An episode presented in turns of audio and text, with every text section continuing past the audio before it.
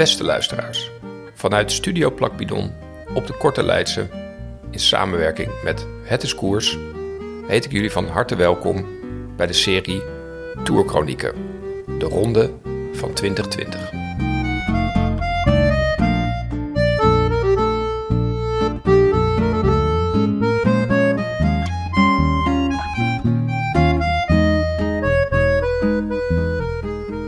Etappes 3 en 4 hebben we inmiddels achter ons gelaten. En de koers komt eindelijk in een wat rustiger vaarwater terecht. In etappe 3 zagen we de eerste echte punch sprint van deze ronde.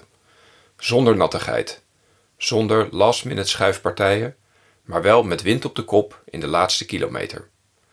Het is uiteindelijk de kleine Australiër Caleb Ewan die in een weergaloze slalomsprint met een ultieme poets uit de luwte van concurrent Sam Bennett komt om zijn wiel als eerste over de streep te drukken. Os, it's Christophe Laporte who goes first in the Cofidis colours, opening up with the nose in front, and now charging through the middle. Sagan, it's a challenge from Trentin. Bennett solo coming through the middle. Bennett on the left hand side, Hofstetter on the right. Ewan. Caleb with the throw. He gets there. Sensational in Sisteron. He has threaded the needle. Wait. Ewan bezorgt zijn ploeg Lotto Soudal zo een welverdiende, maar ook broodnodige overwinning. Die hectische openingsetappe in Nice had namelijk twee gigantische slachtoffers gemaakt. Philippe Gilbert was gevallen en had met pijn de rit wel weten te vervolmaken. Na de finish bleek echter dezelfde diagnose als tijdens zijn dramatische val in de afdaling van de Portet d'Aspet tijdens de Tour van 2018. Gebroken knieschijf. Abandon Gilbert. Eveneens gepijnigd door de gevolgen van een harde val, zou ook John Degenkolb in een race tegen de klok aan het kortste eind trekken. Hij had er in eerste instantie nog aan bijgedragen om de gevallen Ewan weer naar het peloton te fietsen, maar was hierdoor zelf zo vermoeid geraakt dat hij de aansluiting met de groep niet kon houden en op achterstand kwam te rijden. 65 loodzware en eenzame kilometers verder komt hij op ruim 17 minuten van ritwinnaar Christophe over de meet gesukkeld. Twee minuten buiten de tijdslimiet. En de Franse jury is onverbiddelijk voor de Duitse renner. Abandon Degenkolb. Team Lotto Soudal had flinke klappen gekregen op die eerste dag. Maar dat maakte de overwinning van Ewan extra glanzend. Etappe 4 werd er eentje voor de klassementsmannen. En ook de knecht en de berggeiten konden voor het eerst uit hun hok komen om de vorm te testen. In een bergrit over 160 kilometer zou de finish getrokken worden bovenop de klim naar Orcher-Merlet. 7 kilometer tegen 6,7 procent. En ruim 30 jaar geleden voor het laatst opgenomen in de Tour. Hier wist Steven Rooks toen de tijd in een klimtijdrit de grote zwijger Miguel Indurain te verschalken. Hoewel de percentages van de klim geen hoge ogen gooien, was het ook hier dat de grote Eddy Merckx ruim 10 minuten verloor op naaste concurrent Ocaña. Die dag liet zien dat ook kannibalen niet bestand zijn tegen de hongerklop. Le voici, Luis Ocaña, fantastique vainqueur de cette étape. Une étape qui nous rappelle les exploits de Koblet, de Coppi, de Merckx style. Une grande journée pour le sport cycliste, une grande journée pour Luis Ocaña. We zien tijdens deze etappe een magistrale Wout van Aert namens Jumbo, die in de slotklim iedereen koest weet te houden door zijn moordend hoge tempo op kop van de groep. Ook de kleine superknecht van Jumbo, die dit jaar zijn debuut maakt in de Tour, Sepp Koes, draait daarna een straffe beurt en zorgt ervoor dat hij zijn kopman Roglic in stelling brengt om het vervolgens af te maken in een slijtagesprint naar de meet door landgenoot Pogacar nipt te verslaan. At Orsia Malet, 1,825 meters above sea level. On the drops now, sprinting with Roglic in the wheel. Roglic is now telling us that he has the form. This is a big attack now. Roglic goes for the line. Primoz Roglic on his wheel is Alaphilippe. Pogacar is there as well. Did you ask the question, could Roglic win the Tour? There's your answer. Roglic wins the stage. We hebben inmiddels dus vier etappes gehad. En van elke smaak eentje. Met al een heleboel pieken en net zoveel dalen. Alaphilippe staat nog op plek 1, maar de gehele top 10 zit binnen 17 seconden van elkaar. En zo belanden we aan bij de vijfde etappe van deze ronde. Gapen tot de sprint. Rijd zoveel of zo weinig. Zo lang of zo kort als je wilt. Maar rijd. Al dus Eddy Merckx. Over vandaag valt weinig te zeggen, maar genoeg te vertellen.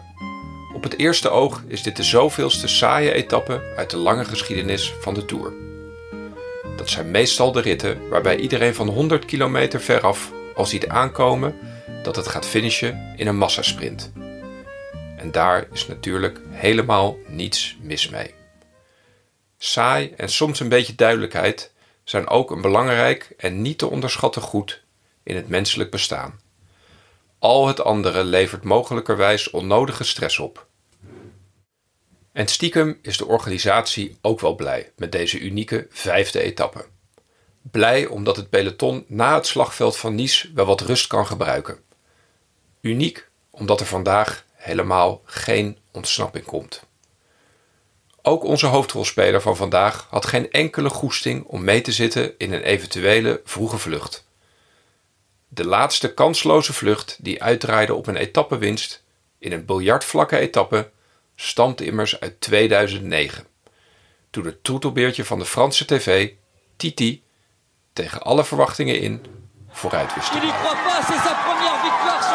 A porté 10 jours le maillot jaune en 2004. Eh bien, c'est fait le cinquième jour du Tour 2009. Voilà victoire de qui De monsieur Thomas Vauclair temps.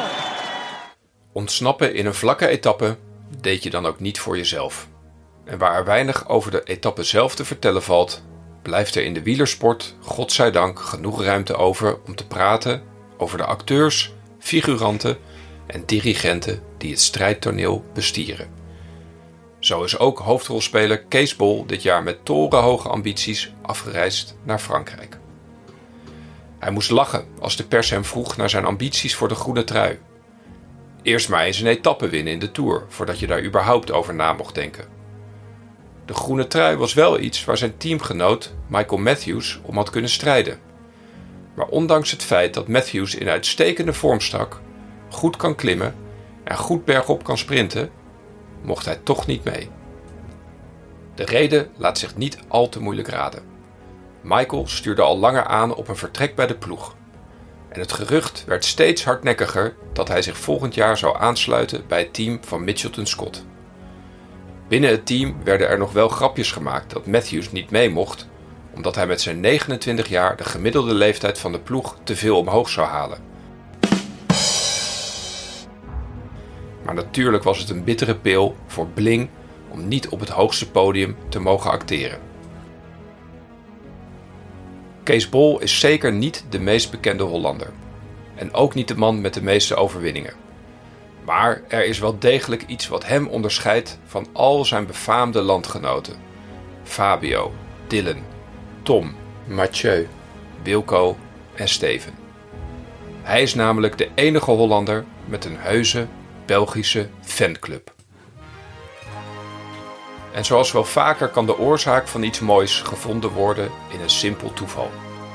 In dit geval de, naar Belgische maatstaven, grappige naam van Kees Bol.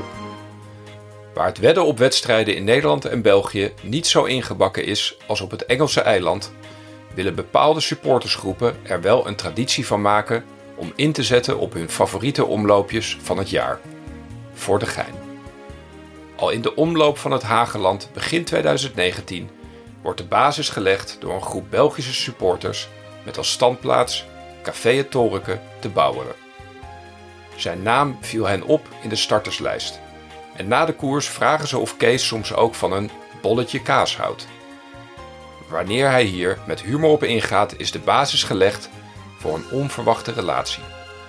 Het wordt pas echt serieus en het grote geld gaat pas echt rollen door Kees zijn optreden in de eendaagse kasseiklassieker Nokere Koersen. De relatief onbekende Kees Bol krijgt van de boekies een multiplier om je vingers bij af te likken. De jolijt is gigantisch bij de fanclub als Kees precies dat doet wat de wetkantoren niet voor mogelijk houden en hij in Nokeren de handen naar de hemel mag heffen. De multiplier doet zijn werk, de clubkas zit in één klap vol en de Belgische Kees Bol fanclub is officieel geboren.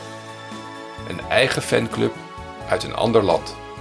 Dat hebben alleen de allergrootste. Thuis voor de buis zit ook oud-renner Wim Botman te kijken en te hopen. Wim is als gepensioneerd wielrenner tevens een begenadigd bakker van de lekkerste appeltaart uit Noord-Holland. En derhalve een graag aangedaan adresje door Bol en zijn trainingsmaten wanneer zij rondom de Schoolse duinen de pedalen laten draaien. De slagroom laat Kees links liggen. Die komt wel weer na de Tour. Ook Wim ziet vandaag een oersaaie etappe, zonder ontsnappingen. Heel even lijkt het peloton te breken, maar door het slakke tempo van die dag en de relatief korte afstand tot de finish kan alles van naam nog aanhaken en worden de kleine gaatjes na wat inspanning gedicht. Op naar een sprint dus. Zijn sprinttrein bestaat uit Nieuwehuis, Pedersen en Arndt. Mannen die kunnen wedijveren met de lead-outs van Quickstep of Bora.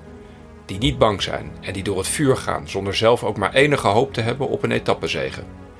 In de Volta a Algarve hadden ze dit jaar al in deze volgorde een sprint gewonnen. Door rappe namen als Modelo, Jacobsen en Christophe voor te blijven. Ze zitten nog met deze vier man perfect van voren wanneer ze onder de rode vod doorzoeven. Met 700 meter gaat Nieuwehuis, de voorste locomotief, opzij. En toen waren er nog drie. Kees heeft geen kans om te kijken wie er in zijn wiel zit. Hij heeft enkel oog voor de twee zwart-witte machines die voor hem de weg vrij houden. En ervoor zorgen dat niets of niemand langs zij durft te komen. Op de oortjes krijgen ze te horen dat het peloton versplinterd is en er geen concurrerende treintjes meer in het veld zijn. Nog 470 meter te gaan en ook Nikias Arndt laat zich afbellen. Toen waren alleen hij en Pedersen er nog. 230 meter van de streep, een laatste flauwe bocht naar links en... Na een laatste push valt ook de laatste locomotief van de enige overgebleven sprinttrein stil en is de beurt aan hem. Hij komt op kop, schreeuwt de longen uit zijn lijf en wordt nageschreeuwd door de locomotief die net is stilgevallen. Hij blijft links van de weg langs de borders rijden, precies zoals besproken, de kortste weg naar de finish. Hij schreeuwt nog een keer om de verzuring tegen te gaan en weet zijn snelheid te houden. Daar is de meet. Maar hij voelt het. Hij ziet het. En dan weet hij het ook. De gele TGV. De man die momenteel door velen het stempel van beste renner ter wereld mee heeft gekregen, maar waarvan men niet zeker wist of hij zich van de ploeg wel mocht mengen in de tumultueuze sprints. Die man mocht vandaag dus wel. En dus pakt Kees Bol hier niet zijn eerste toeroverwinning. Een godslastering ontglipt hem en de teleurstelling overheerst dat hij het team en zichzelf niet heeft kunnen belonen met de winst. Maar al gauw borrelt er verrassend genoeg een gevoel van trots naar boven voor wat het team hier in de Tour op het hoogste podium heeft laten zien. Geklopt worden door Wout. Hij zal het kunnen en moeten accepteren. Café het was gesloten vandaag. Maar bij clublid Patrick hadden een aantal bolfans zich verzameld om te zien hoe zij op dramatische wijze een volgende grote uitbetaling misliepen. Onderwel is ook de tv in Huizen Botman op zwart gegaan. Ook hier overheerst de teleurstelling, maar kijkt hij er nu al naar uit om deze sprint met Kees te bespreken. Onder het genot van een punt appeltaart. Met slagroom.